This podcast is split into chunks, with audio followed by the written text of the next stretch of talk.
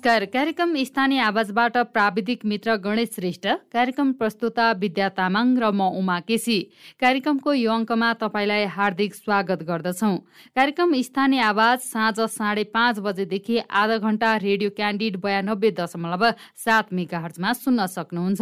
साथै हाम्रो website W dot radio candid dot com र हाम्रो आधिकारिक फेसबुक पेजमा रेडियो क्यान्डिडको एप्स डाउनलोड गरेर र पोडकास्टमा समेत सुन्न सक्नुहुन्छ।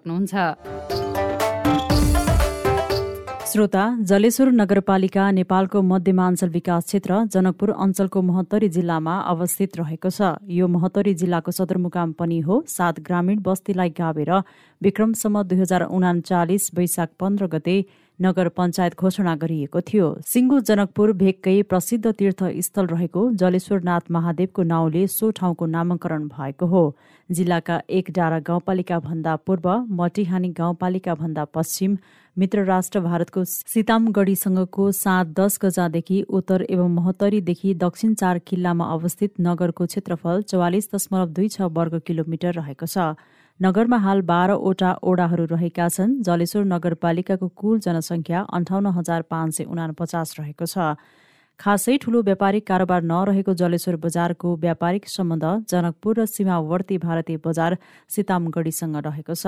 आजको कार्यक्रममा हामीले यसै नगरपालिकाका नगर प्रमुख सुरेश शाह सुनारसँग तपाईँका भावी योजनाहरू के के छन् भनेर सोधेका छौं। कार्यक्रम स्थानीय आवाजमा यहाँलाई स्वागत छ। धन्यवाद। सुरेश शाहज्यू तपाईँ पहिलो पटक जनप्रतिनिधि भएर आउँदा के प्रतिबद्धता गर्नु भएको थियो? प्रतिबद्धता भन्नाले सबभन्दा पहिला हाम्रो जनताको जुन स्वास्थ्यको शिक्षाको र हाम्रो कृषिको सबभन्दा पहिला हामी काम त्यसमा गरेको हो। स्वास्थ्यको क्षेत्रमा चाहिँ के सुरुवात गर्नुभयो र के के गर्दै हुनुहुन्छ? स्वास्थ्यमा हामी सबभन्दा पहिला हाम्रो एकदेखि बाह्रवटा वाडा छ। हजुर। सबै स्वास्थ्य चौकीमा हाम्रो दबाई अलिकता नपुगेकोले दबाई सबभन्दा पहिला हामी जनताको लागि पुगाएका छौँ। त्यसपछि हाम्रा जलेश्वर अस्पताल चाहिँ त्रि पचहत्तरी वर्षदेखि पन्ध्र बेडको पन्ध्र बेड थियो। पछि हामी चाहिँ प्रदेश सरकारलाई फर्स्ट चाहिँ हामी आग्रह गरेपछि चाहिँ हाम्रो त्यहाँ पचास बेड भएको छ। र यो दुई चार दिनभित्र चाहिँ भ्याकेन्सी निकालेर एकदम काम पनि डक्टरहरू पनि एकदम पोजिटिभ चाहिँ उहाँले मन्त्रालयमा पनि लिनुभयो र पुरा गर्नुभयो उहाँहरू पचास बेडको अब यहाँ अलिकता पनि केही भए पनि यहाँ हुँदैन जनकपुर काठमाडौँ जानुहोस् भनेर। कुराकानी थियो त्यो अहिले हजुरको छैन। अहिले हामीलाई एकदम चाहिँ स्वास्थ्यमा पनि काम जनताको पनि काम भइरहेछ। हाम्रा पनि कुराहरू एकदम स्वास्थ्यप्रति चाहिँ एकदम विचार पुऱ्याएर हामीहरू पनि जनताप्रति काम गर्दैछौँ। बजेट चाहिँ कुन कुन क्षेत्रमा प्राथमिकतामा राखेर सार्वजनिक गर्नुभयो यसपटक? बजेट? हजुर। बजेट हाम्रो नगरपालिकाभित्र सबै ठाउँमा मैले बजेटिङ गरेको हो। प्राथमिकता चाहिँ के केमा दिनुभयो? स्वास्थ्यमा पनि छ शिक्षामा पनि छ कृषिमा पनि छ।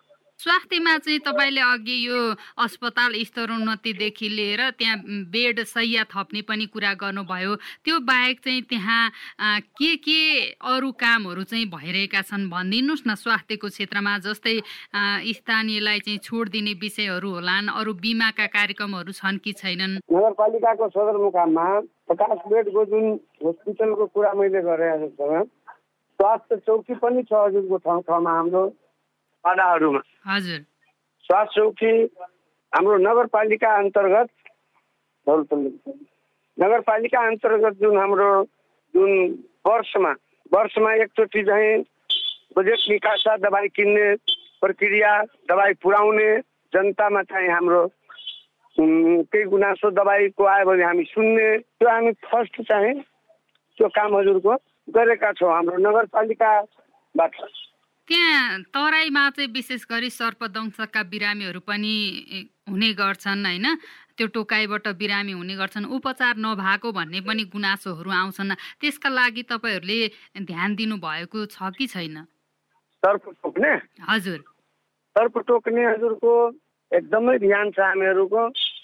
सर्प टोक्यो भने हामी तुरन्त यहाँ हाम्रो जलेश्वर अस्पताल छ त्यहाँ यहाँ भएन भने हामी जनकपुर लग्छौँ। जनकपुर पुऱ्याएर हजुरको चाहिँ उपचारको क्रममा अहिलेसम्म यस्तो अप्रिय घटना एउटा पनि भएको छैन।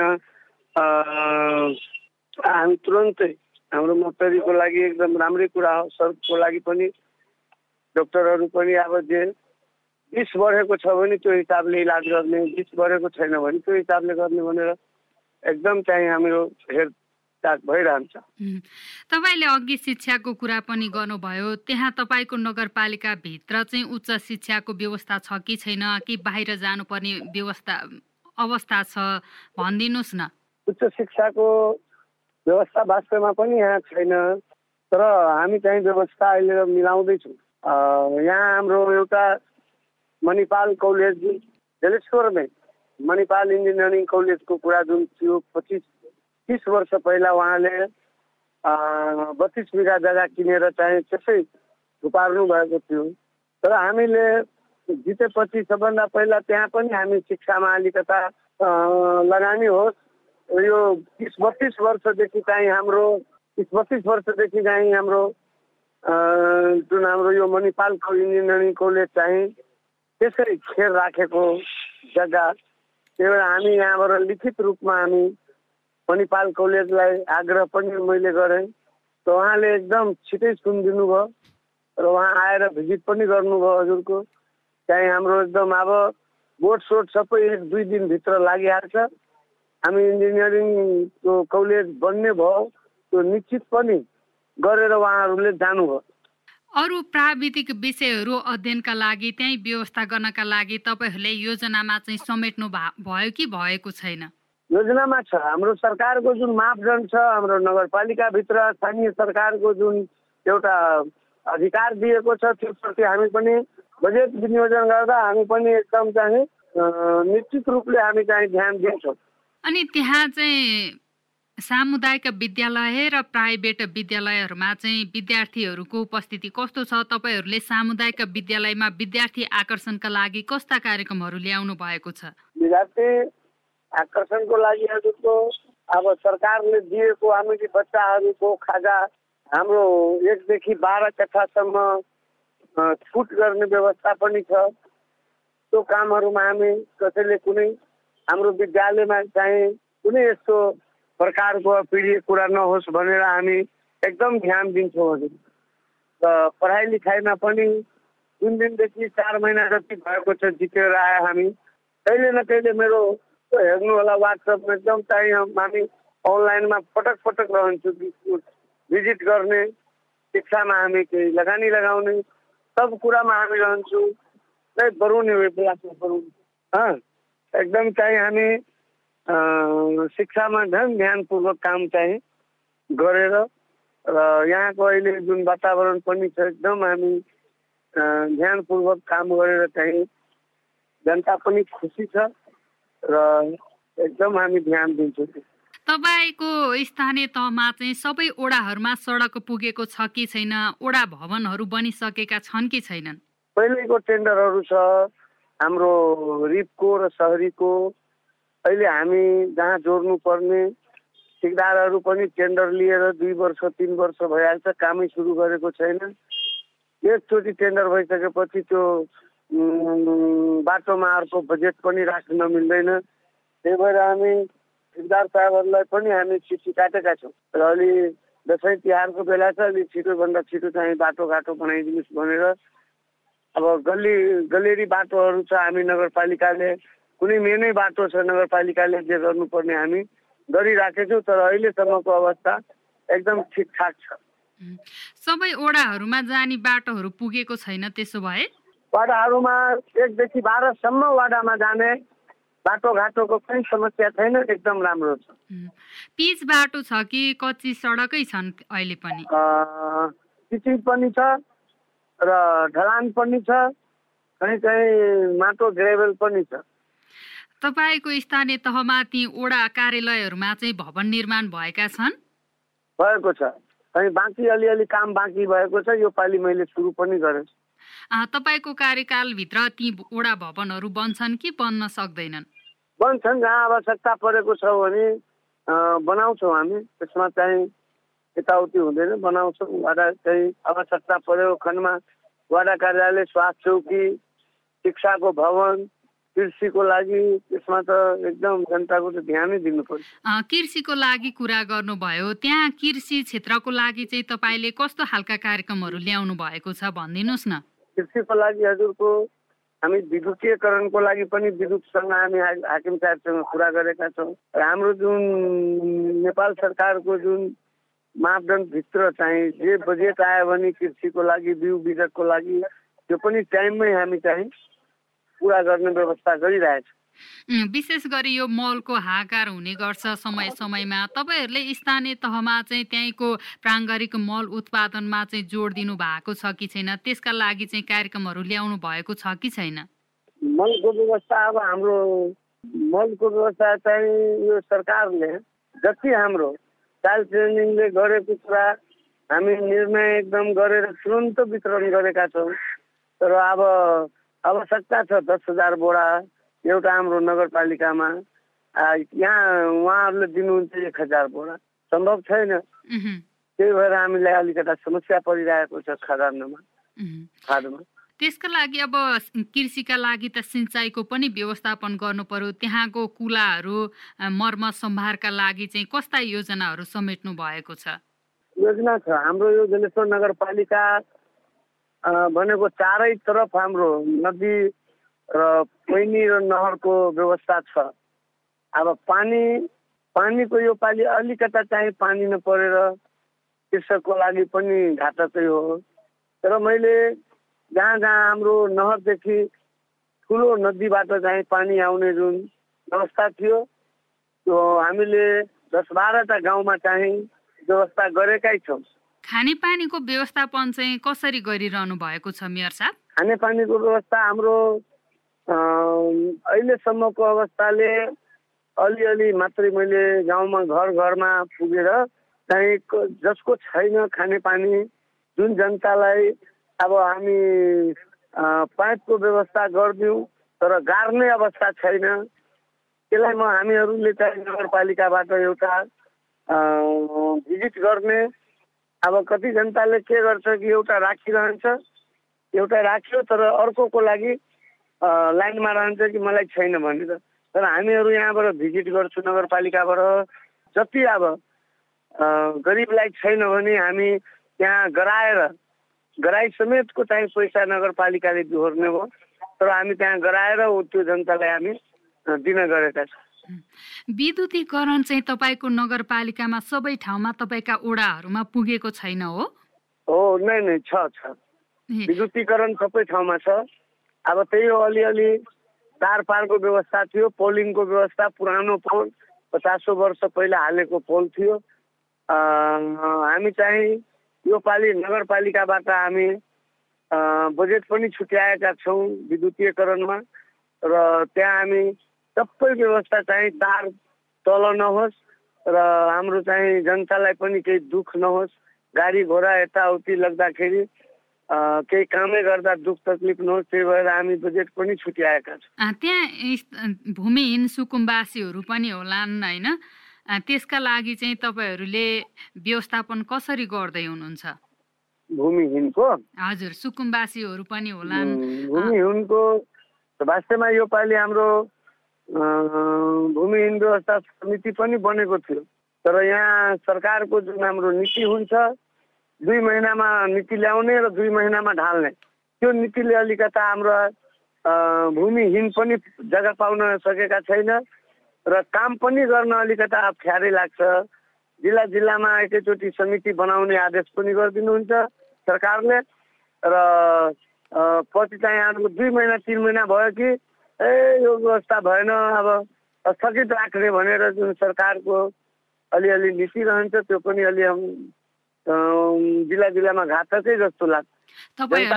हजुर सरकारका यी कार्य निर्णयहरूले चाहिँ जिल्लाहरूमा चाहिँ समस्या पर्ने गरेको भनेर भन्न अँ, पर्छ पर्छ। त्यहाँ चाहिँ अब गरिबहरू होइन भनेको लक्षित वर्गहरू भनौँ न अपाङ्गता भएका वर्गहरू बालबालिकाहरू एकल महिलाहरू होलान् पिछडिएको समुदायहरू होलान् होइन? यसको अवस्थालाई चाहिँ कसरी सुधार्ने योजना बनाउनु भएको छ तपाईँले? अब हाम्रो दलित समुदायमा जुन छात्रवृत्ति आउँछ त्यसमा पनि हामी धेरै ध्यान दिन्छौँ। लक्षित वर्गमा पनि सरकारको हाम्रो जुन माथिबाट तोकेको जुन सिड्युल छ त्यो सिड्युल अनुसार नै हामी काम गर्छौँ। त्यसपछि नगरपालिकाले गर्ने नगरपालिकाले काम गर्ने नगरपालिकाको के के कर्तव्य र दायित्व छ हाम्रो स्थानीय सरकारको त्यो पनि हामी चाहिँ दलितमा लक्षित वर्गमा हामी ध्यान पुऱ्याएर चाहिँ काम गरेका छौँ। त्यहाँ चाहिँ तपाईँहरूले वृद्ध वृद्धाहरूका लागि चाहिँ सामाजिक भत्ता वितरण चाहिँ कसरी गर्नुभएको छ? घरमै पुगेर गर्नुहुन्छ कि बैङ्क मार्फत वितरण गर्दै आउनु भएको छ? हाम्रो वृद्ध र वृद्धको लागि छात्रवृत्तिको लागि हामी चाहिँ व्यवस्था कुनै कुनै ब्याङ्कले जुन नेपाल सरकारको जुन हाम्रो मापदण्ड आयो या अब खाता खोल्ने जुन व्यवस्था आयो हाम्रो नगरपालिकाहरूलाई जुन चिठी दियो कि होइन त्यो चाहिँ सबैको खाता खोल्न लगाइदिनुहोस् भनेर ब्याङ्कमा हामी ब्याङ्कसँग सम्झौता गऱ्यौँ। सम्झौता गरिसकेपछि हामी चाहिँ ब्याङ्कमा पुरै सब जनतालाई जो पाउने तलब त्यो हाम्रो भत्ता नेपाल सरकारको जुन दिने जुन व्यवस्था भयो त्यसलाई हामी चाहिँ खाता खोल्यौँ। तर अवस्था यति खराब भयो हजुरको यति अवस्था खराब भयो कि एजेड बढी भयो कि वृद्धा वृद्धले ब्याङ्कमा पुग्नै नसक्ने अवस्था भयो। त्यसपछि हजुरको चाहिँ हामीलाई पटक पटक चाहिँ धेरै टेन्सन पनि भयो। टेन्सन के भयो कि हामीले ब्याङ्कमा पनि यो असारमा शान्त पहिला चाहिँ आग्रह पनि गरे कि यति चाहिँ तपाईँहरू यो खाममा चाहिँ पैसा बाँच्नुहुन्छ र एक दिनको काम दस दिन गर्नुहुन्छ त्यो नगरौँ हामी। बरु गाउँमै गएर हामी दिउँ। सरकारी स्टाफ हामी राख्छौँ। सरकारी स्टाफलाई ल्याएर चाहिँ एग्रिमेन्ट एउटा गरौँ।